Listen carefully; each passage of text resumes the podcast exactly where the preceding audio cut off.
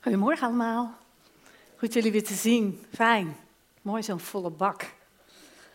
Nou, uh, de nieuwe serie begint weer. Ik mag weer uh, gezellig aftrappen. En dat doe ik heel graag. En uh, jullie hebben natuurlijk allemaal wel gehoord dat er een nieuw boek was. En je kon die ook bestellen. Wie heeft dit boek uh, besteld en, en gelezen? Mag ik even vingertjes zien? Oké, oh, dat zijn er best wel wat. En uh, gaat je leven nu beter zonder haast? Of valt dat nog wel een beetje mee? Of is het ook een beetje een soort confrontatie? Nou, mooi. Het, uh, het boek heet ook um, ja, de uitbanning, de radicale uitbanning van haast. En blijkbaar is dat nodig. Nou, in het boek uh, zijn er een paar hoofdstukken waar we aandacht aan gaan geven in deze serie. En ik begin met stilte en afzondering. En uh, in het boek komen, ja, volgen we Jezus. En Jezus heeft eigenlijk vier disciplines, vier gebruiken die hij inzet als tool om tot rust te komen. En de eerste is stilte en afzondering. Ja, haast zorgt ervoor dat we geestelijk soms ja, niet tot rust kunnen komen. En Jezus heeft in de Bijbel daar ook mee te maken. En vandaar dat we ook heel goed met hem kunnen optrekken. En we leven in een uh, energieke samenleving en alles gaat steeds sneller en sneller. Maar één ding is duidelijk, stilte en afzondering en rust lukt soms niet altijd. We worden overschreeuwd door alles wat roept en door haast. En we hebben zelfs moeite met stil zijn. Bekijk maar eens eventjes de volgende drie fragmentjes en vormen van stilte.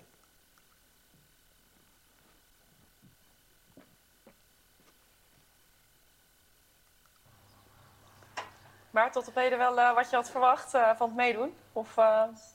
Ja, eigenlijk valt me heel erg mee. Ja, valt heel erg mee? Ja, nou, weet je, je bent altijd een beetje bang dat je er binnenkomt en je denkt, oh nee, je moet, je moet echt aan een gesprek trekken, weet je wel, of dat je er echt moeite voor moet doen. Maar ik denk eigenlijk, we lopen heel... Heb je misschien wat waar je er verwacht had, van verwacht had? Of zeg ja, je... ik had vooral inderdaad ook echt gehoopt op gewoon spontaan iemand waar je echt gewoon meteen mee kan kletsen. En dat ja. het niet zo is van, oké, okay, wie gaat er nu wat zeggen? Ja, ik vind die, die ongemakkelijke stilte, dat ja. is erg, hè? Ja, we zitten sowieso super. Beetje ja. het zonnetje. De vogeltjes om je heen.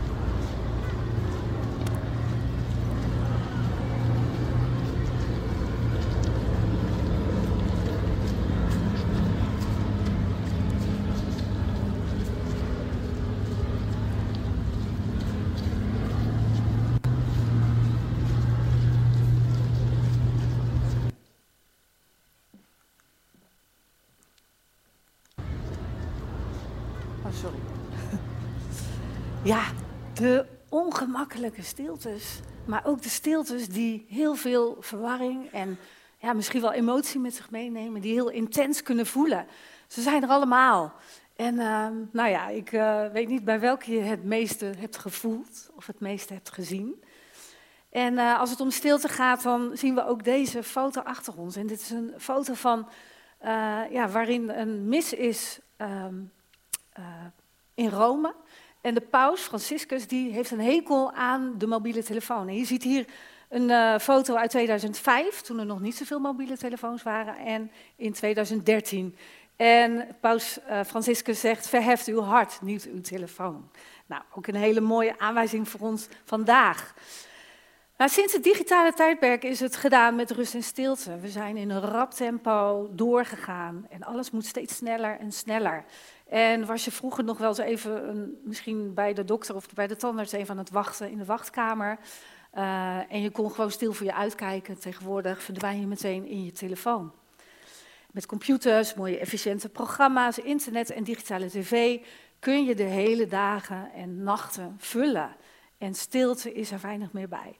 En veel van jullie weten nog hoe het was zonder de digitale ontwikkelingen. Zonder de mobiele telefoon misschien verlang je er nog wel eens naar terug.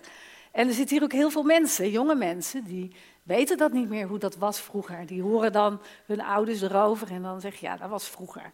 Maar ook stilte is voor jullie een ontdekkingstocht. Ze noemen het ook wel eens het digitale monster. De ontwikkeling heeft heel veel voordelen, maar ook heel veel nadelen. Zo hebben we een probleem gekregen met concentratie. In 2000 kon een gemiddeld mens nog de aandacht vasthouden voor 12 seconden. En nu is dat een spanningsboog van nog maar 8 seconden. De hechting, door heel veel afleidingen en haast, is er ook een probleem gekomen met hechting. Heel veel baby's worden bijvoorbeeld niet meer zo goed aangekeken in de ogen. Er wordt minder contact gemaakt doordat ouders heel snel op hun mobiele telefoon kijken. En daardoor de hechting en de binding en de ontwikkeling van een kind kunnen verstoren. En het grote aanbod en de behoefte van stiltetrainingen of retraites of pelgrimstochten of boeken die worden aangeprezen, podcasts die je kan luisteren over stilte, die zijn er heel veel en die zijn er niet voor niets. Want het is echt nodig dat we stil worden in deze hectische tijd. En het is een, een groot tekort van haast wat we hebben en een, een, ja, te veel aan herrie in onze omgeving. En deze haast heeft effecten, heeft effecten op je humeur. Kijk maar eens wanneer je bent geïrriteerd, dan heeft het vaak te maken met haast. Het heeft effect op je gezondheid, op de ontwikkeling van je brein, op de aandacht, op relaties. En ook op het, de mate van gelukkig zijn en rust vinden in je ziel. En we kunnen stellen dat haast de grote vijand is van het geestelijk leven. Andrew Sullivan, een politiek commentator, die zei: Als het lawaai niet afneemt, zijn we met dit tempo straks vergeten dat we een ziel hebben. En zo ziet de wereld er vandaag uit. Maar is dit altijd zo geweest? Of is dit iets van de laatste tijd? Of was er vroeger in de tijd van de Bijbel ook wel moeite en strugglingen met haast, drukte en tot rust komen en stil zijn? En we gaan kijken in de Bijbel, in het Nieuwe Testament, naar het Evangelie van Marcus. En um, dat is een van de vier evangeliën. En het evangelie is een brenger van het goede nieuws. En we volgen Jezus op zijn missietocht. En Jezus die was ongeveer 30 jaar toen hij in zijn bediening ging staan. Wat hij als eerste deed is worden gedoopt. Toen ging hij naar de woestijn om te bidden en toen ging hij werken. Nou, wat er ongeveer in die eerste dag, zijn werkdag, gebeurde, lezen we in Marcus 1, vers 32 tot en met 39.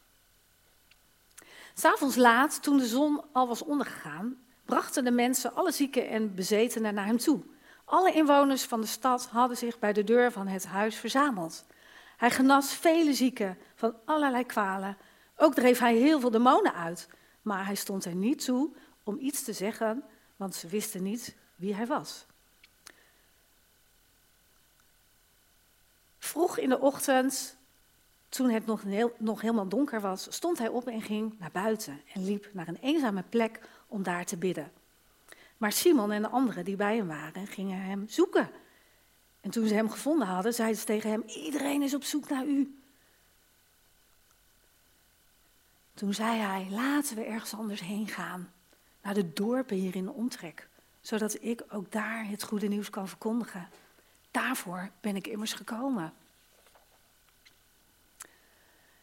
Nou, we gaan in deze dienst gaan we kijken naar drie dingen, drie dingen die opvallen. En dat zijn drie stellingen. Eén is stilte, een oude trend of een nieuwe hype. Twee, stilte in verwarring. En drie, stilte creëert iets nieuws. Nou, Jezus was een heel actief mens. Hè. We lezen dat hij super druk was de hele dag. Hij had geen negen tot vijf baantje. En hij ging nog laat in de avond door met spreken, met onderwijzen, met mensen genezen, met demonen verdrijven. Uh, mensen geven wat ze nodig hadden. En hij stopte daar nou, bijna niet mee. Totdat hij toch wel even ging slapen. En de volgende ochtend alweer voor dag en dauw lezen we, vertrekt. En hij gaat weg. Hij gaat dus niet ontbijten of gezellig bijkomen met een kopje koffie of chillen of lamballen. Nee, hij ging vroeg weer erop uit en hij trok de stad uit. En als je de stad uittrekt, dan ga je weg bij rumoer, bij lawaai, bij mensen die wat van je willen. En hij ging echt terug naar een plek, en ze noemen het ook wel zo'n woeste plek, of een eenzame plek, een verlaten plek, om even stil te zijn en om even tot zichzelf te komen en even bij God te zijn.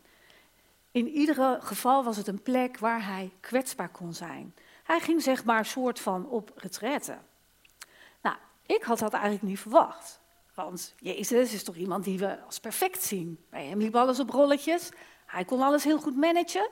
Had hij dat dus ook nodig? Maar inderdaad, ook Jezus heeft dit nodig. Hij was ook overprikkeld of het werd hem te veel. En hij nam ook de rust en de ruimte en vooral de plek om bij te komen. Stilte is dus een hele oude trend, zien we nu. Maar in die stilte, als Jezus op afstand is van alles wat aan hem trekt, gebeurt er ook iets heel irritants. Want ze gaan hem opzoeken. En ze gaan tegen hem zeggen van, Jezus, waar ben je dan? We zoeken u. We zoeken u. Nou, als er iets is wat me soms kan triggeren, dat is het, het zinnetje, waar was je? En ik weet nog vroeger, toen mijn kinderen nog klein waren. Sorry, er zit hier één kind voor mij.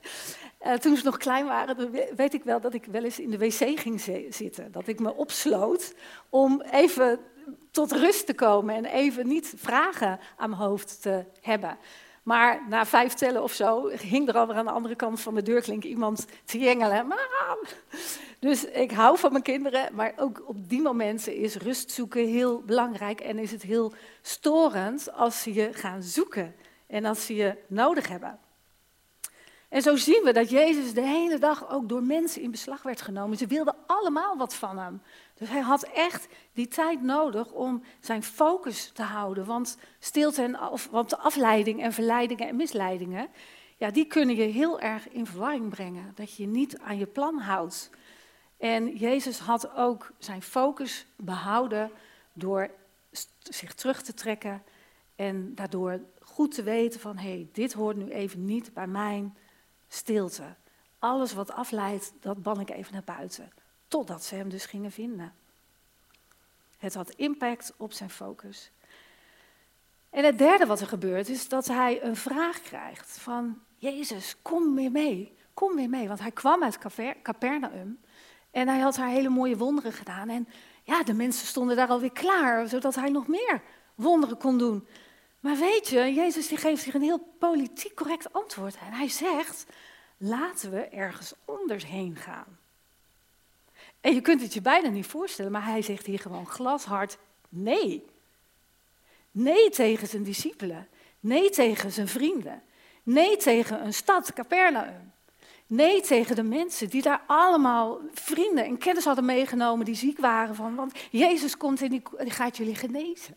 Hij zei gewoon nee. Hij wees eigenlijk al die mensen af. En dan zegt hij nee met een komma. Dus het is geen nee, punt, maar nee en een komma. Want er komt meer.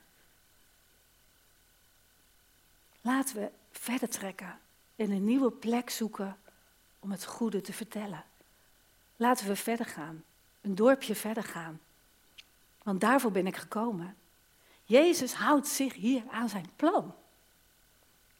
Op zoveel mogelijke plekken, op nieuwe plekken, het goede nieuws vertellen. Dat is zijn missie. Dat is waar hij zijn focus op houdt. Een nieuwe weg inslaan met dezelfde focus. Nou, ik zou deze goed onthouden. Als er een keer iemand naar je toe komt en die zegt: Wil je dit voor me doen? Dan kun je net zoals Jezus voortaan zeggen: Ik moet er ergens anders heen. Dat is een hele goede, die mag je gaan gebruiken. En zo zie je dat Jezus ook aan het worstelen is met stilte, zich terugtrekken, afzonderen en de afleiding die hem steeds ook weer vindt. Ja, stilte en afzondering, een oud gebruik, maar ook voor vandaag voor ons nog heel erg belangrijk en goed om ons aan te kunnen houden.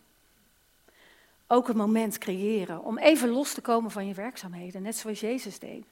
Even los van geluiden van prikkels die je van je focus kunnen afhouden. En Jezus ging dat vaker doen. We zien in de hele Bijbel, door de hele Bijbel heen, dat hij op verschillende plekken tot rust kwam. En hij ging soms naar de woestijn, hij ging soms een berg op. Hij verliet de stad in ieder geval. En hij zocht daar echt een andere plek op. En als je nou eens even naar jezelf kijkt, naar je eigen leven, is er bij jou ook veel drukte en lawaai en herrie om je heen? Ik zie al mensen klikken, nee. Die wil ik straks even spreken. Maar wat doe jij dan om dan nog steeds je focus te houden? Of ben je gewoon gewend geraakt dat je dat heel goed kan? Of heb jij ook een plek gevonden waar jij je even kan afzonderen en waar jij je even kan terugtrekken?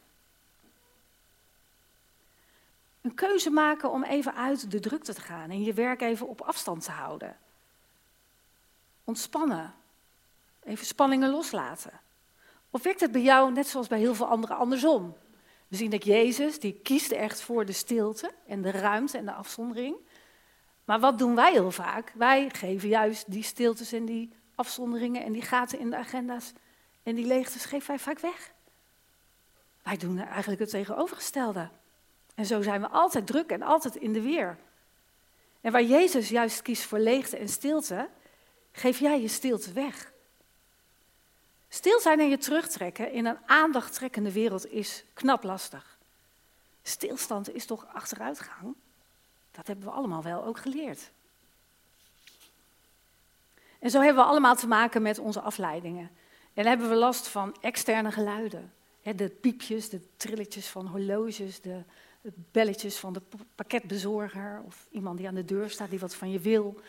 Een telefoontje. Het, we worden de hele dag worden we getriggerd door piepjes en dingetjes en belletjes. Of de to-do-lijst die je nog moet afmaken en een groen vinkje wil zien. tijdens het maken van deze preek ben ik ook, denk ik wel, duizend keer afgeleid door van alles en nog wat. En was ik iedere keer weer in de war, omdat ik niet meer wist waar ik gebleven was. En zo gaat het met intern, geluid. Het is lastig uit te zetten, maar voor extern geluid is, het, is er een knop. Maar voor intern geluid niet.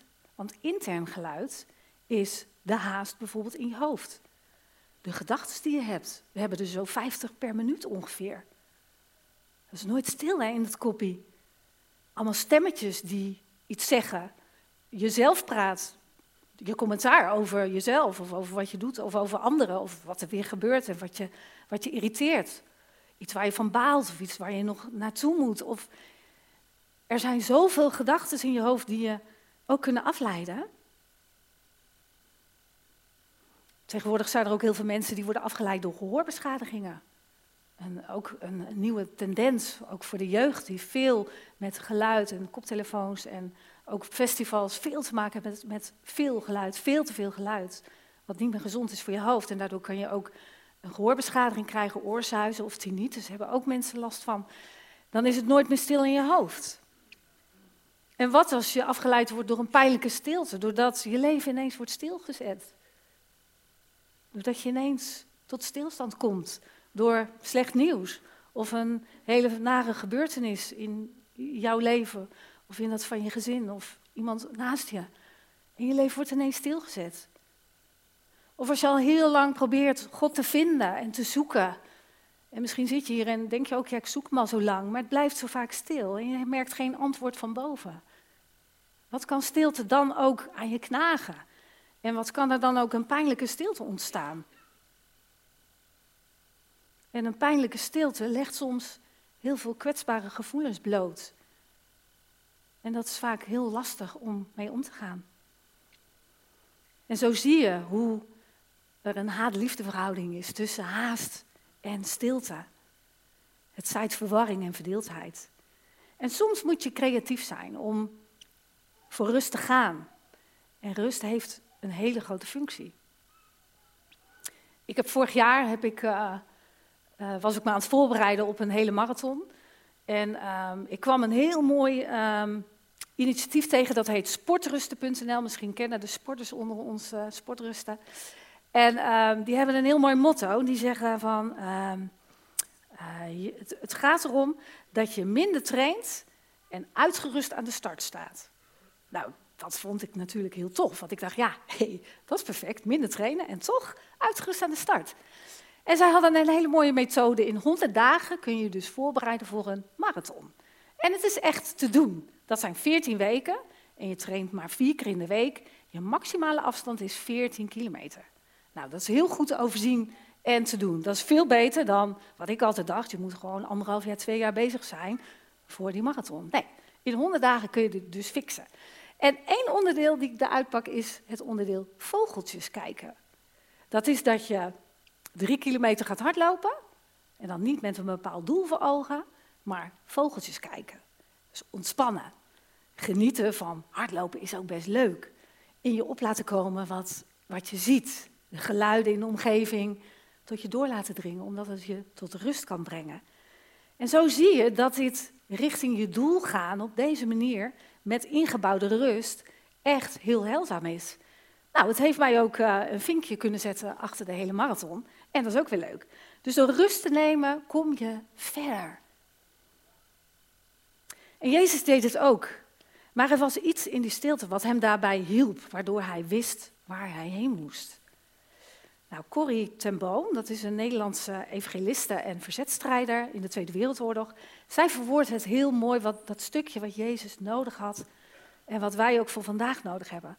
Zij zegt, als je verward bent of geestelijk druk, maar je wilt Gods stem horen, kom dan in de tegenwoordigheid van de Heer. Wacht tot Hij die verwarring verandert. In wachten op de Heer kan veel gebeuren. En dit laat zien dat er één ding is wat je nodig hebt. Naast alle initiatieven die je kan opzoeken tegenwoordig om in de stilte te komen, mag er één ding niet ontbreken. En dat is de plek bij God. De plek waar je echt tot rust kan komen. De plek waar God, de Vader, jou wil ontmoeten en waar jij Hem kan ontmoeten. En de verwarring verandert. Ook als het soms heel, helemaal niet stil is in je hoofd, is dat nog de plek waar je kan komen. Herrie verwarring, maar stilte creëert iets nieuws. Nou, een onderzoek heeft bij jongeren ook uitgewezen dat als ze drie dagen los van hun scherm zijn, dat hun brein zich heel snel ontwikkelt. Dat er heel veel nieuwe ideeën ontstaan, dat ze veel meer overzicht hebben en dat ze ook veel meer met hun talenten bezig zijn. En er komt dus eigenlijk ineens een soort groeispurt in het leven van een jongere. Nou, dat willen we allemaal. Hè? Dus dat is een tip van, nou, leg, leg eens eventjes een schermpje uh, wat vaker weg. Een stilte voor de ziel kan iets nieuws creëren. En dat zie je dus. Door rust te nemen en je brein te laten ontprikkelen, kun je ook gewoon iets nieuws creëren. Jezus ging ook regelmatig offline. En dan voor de grote spannende gebeurtenissen of keuzemomenten die hij ook had, de tijd om stilte te houden en te bidden tot God. En hij zei nee tegen alle herrie en afleidingen en ja tegen het onbekende en het nieuwe. Gebruik de stilte en negeer de herrie. Een punt wat zo lastig is in ons leven omdat er zoveel aan ons trekt. Maar het biedt je hou vast en het brengt je echt verder. En wat we zien dat Jezus deed, die had gebruiken. En gebruiken zijn heel fijn om in je leven te kunnen integreren. Dat, dat brengt je ook verder. Hij had het gebruik om dus in de stilte te gaan, maar ook om te bidden. Hij ging bidden tot God. En daar kon hij zijn, ja, alles zijn spanningen kwijt. Alles wat hij had gezien, de bewogenheid, de mensen die hij had genezen, het verdriet. Dat, dat, dat ja, kwam in hem steeds hoger naar boven. En dat kon hij uiten door bij God te zijn. Daar kon hij helemaal even zichzelf zijn. Ook omdat hij in zijn leven heel veel om mensen heen was, waar hij toch zich, ja, mensen keken naar hem op. Dus dat vraagt ook een houding van je. Maar bij God kon hij helemaal zichzelf zijn. Maar bidden, dat is ook een mooi gebruik voor ons. En we doen er vaak heel spannend over, maar bidden is eigenlijk heel leuk en heel easy. Bidden is gewoon je leven delen met God. Gewoon praten kletsen met God. Net zoals dat je met je relatie praat en babbelt. Gewoon luisteren. Bidden kan ook gewoon luisteren zijn en stil zijn. Augustinus die zegt, bidden is God gezelschap houden en hem betrekken in je leven. Ook een mooi beeld van bidden. Gebed is fundamenteel om radicaal af te rekenen met haast. En in de herrie wordt je ziel doof voor Gods gefluister. Weet dat waar de wereld schreeuwt, dat God tot jou fluistert.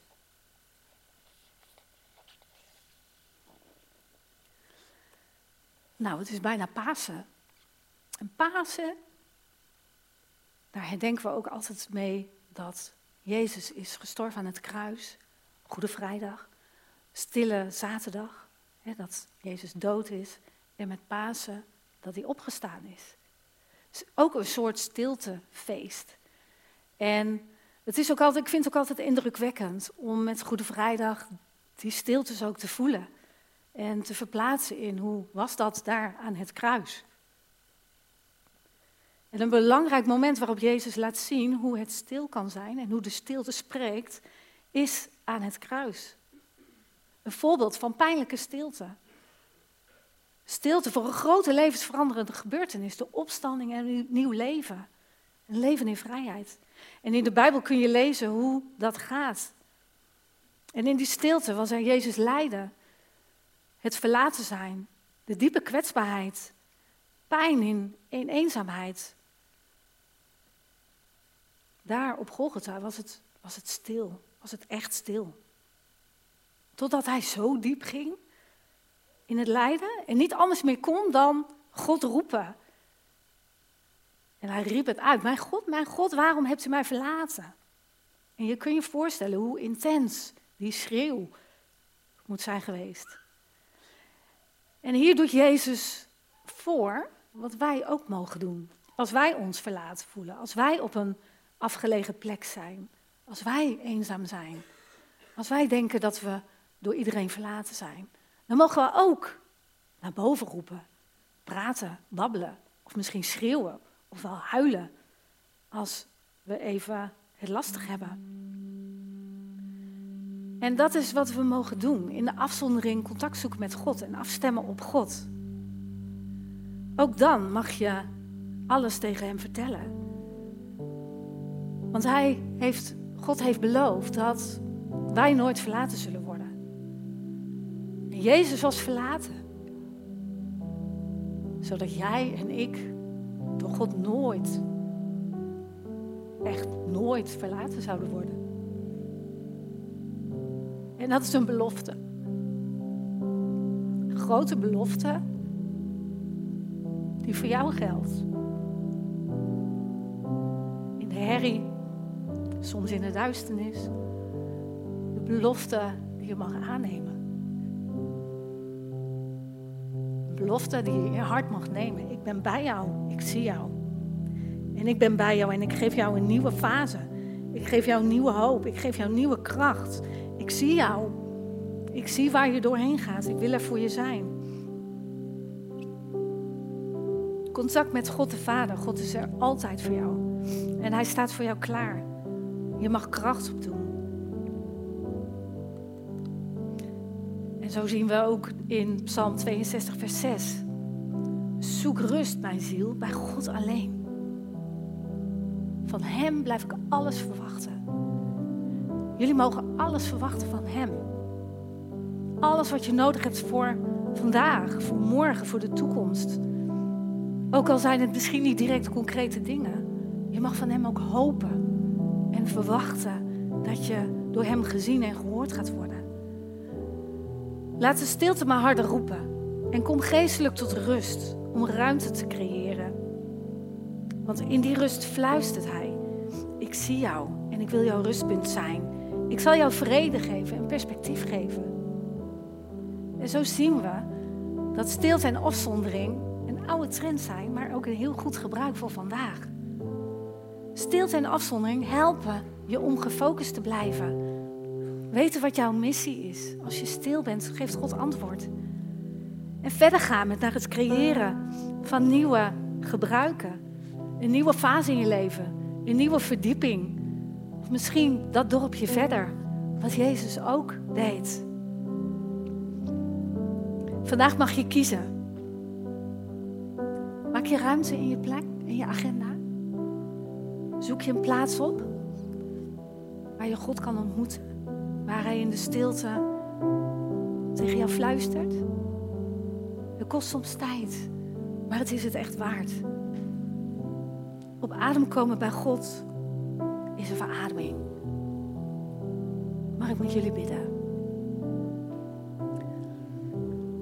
Lieve Heer, wij danken u voor uw liefde vandaag. Een dag waarin we mochten zien hoe Jezus in de Bijbel de stilte en afzondering gebruikte om tot diepe rust en vrede te komen bij u. Iets wat wij ook zo nodig hebben, maar wat er vaak zo bij inschiet. Doordat we zo vaak worden afgeleid in onze haast. Onze ziel is soms zo onrustig, Heer, en we zijn zoekende. Maar er is één plek waar we echt tot rust mogen komen en dat is bij U. En zo bidden we vandaag voor rust en stilte en het voornemen om daarvoor te kiezen. En als je hier zit en zegt, ja, ja, ik heb die stilte en die rust en die diepe vrede voor mijn ziel zo hard nodig, dan mag je even je hand opsteken. Dan wil ik voor je bidden. Ja. En als je zegt, ik kan die plekken vaak vinden, maar ik word ook vaak er weer zo snel uitgehaald. Ik heb eigenlijk behoefte aan meer. Dan mag je ook je hand opsteken. Als je het verlangen hebt om nog meer in de stilte bij God, bij Jezus te komen, dan ga ik voor je bidden. Heer, geef deze mensen de ruimte en de daadkracht om vandaag te kiezen om voor uw vrede te gaan. Dat ze vanaf vandaag de ruimte maken en de plek weten te vinden om echt tot rust te komen. Ook al is het maar een klein momentje per dag. Even zonder iets digitaals op de telefoon. Even een momentje met u zitten. Stil zijn en luisteren. Dat afleiding, misleiding en verleidingen op afstand zullen blijven. Zodat u in de stilte fluistert en iets nieuws kan creëren. Kom met uw verkwikkende rust bij ons. Overstem ons met uw liefde in Jezus' naam.